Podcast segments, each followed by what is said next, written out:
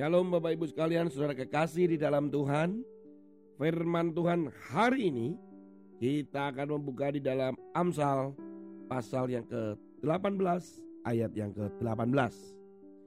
Undian mengakhiri pertengkaran dan menyelesaikan persoalan antara orang-orang berkuasa. Saudara pernah dijelaskan tentang tentang undian-undian ini beberapa pasal di belakang tentang Urim Umim kita berbicara tentang itu. Bagaimana para imam menggunakan batu untuk dilemparkan kemudian untuk mengetahui kehendak Tuhan. Tetapi ada juga jenis undi yang lain kita juga menggunakan biasanya zaman dulu bukan kita ya. Yaitu menggunakan dengan uh, dadulah apalah gitu ya katanya begitulah. Sayembara-sayembara juga ada. Undian-undian dari mall ke mall juga ada. Karena program-program tertentu untuk promosi di sebuah mall atau produksi baru sebuah produk bisa menggunakan undian. Saudara, saya tidak membahas masalah undian itu secara detail. Pertanyaannya boleh atau tidak dan sebagainya akan terjadi pro kontra. Bagi saya tergantung, ya.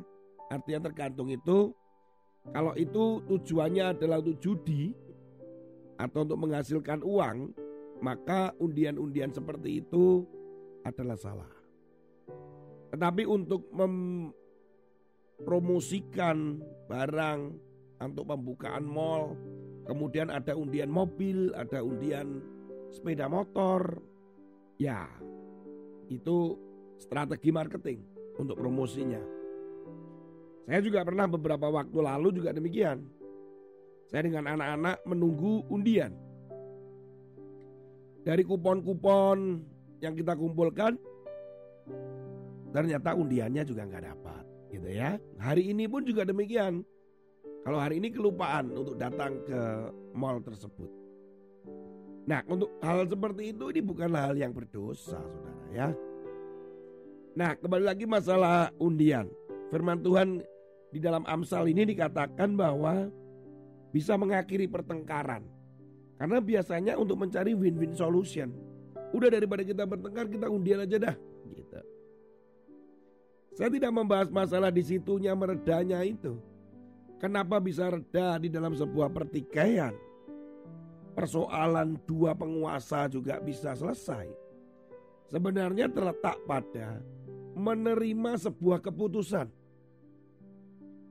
Undian itu pasti bersifat ada yang menang, ada yang kalah. Ada yang mendapat, ada yang tidak dapat. Itu lebih kepada pentingnya kita itu menerima sebuah keputusan. Apa pun keputusannya. Kebetulan yang dibahas pada Amsal hari ini adalah keputusan berdasarkan undian. Saudara kekasih di dalam Tuhan. Beda dengan judi. Judi itu ada rekayasa.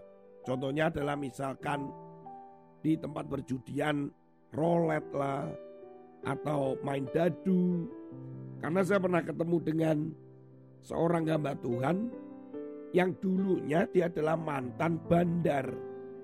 Ketika dia memainkan perjudian dengan dadu, dia menceritakan semua rahasianya. Semuanya itu dimainkan sehingga mengeruk orang yang hadir saat itu uangnya. Uangnya dikeruk. Nah itu trik. Apalagi dia bisa bermain sulap. Beda dengan undian yang seperti yang dimaksudkan ini. Undian dimasukkan di sini adalah undian untuk memecahkan masalah. Lebih penting adalah menerima semua keputusan. Saudara, contohnya adalah Nuh. Ketika dia mendapatkan undian bahwa dia adalah penyebab dari gelombang yang begitu besar. Dia harus menerima itu. Yusuf Di antara sebelas saudaranya waktu itu, dia dengan dia saudaranya ada sebelas. Bayangkan, itu dia juga harus menerima sepertinya tidak adil. Dia mengalami sebuah perudungan, tekanan, sepertinya tidak adil. Ada begitu banyak ketidakadilan di dunia ini yang sepertinya sebuah undian yang tiba-tiba jatuh kepada kita. Saudara kekasih di dalam Tuhan, belajar untuk menerima keputusan. Kita percaya bahwa keadilan, kebenaran itu suatu hari ditegakkan. Mungkin tergantung waktu atau mungkin sedang menguji kita, kesabaran kita. Belajar untuk menerima keputusan nggak mudah. Saat diputuskan itu menolak saudara. Ketika keputusan itu harus mengurangi hak saudara.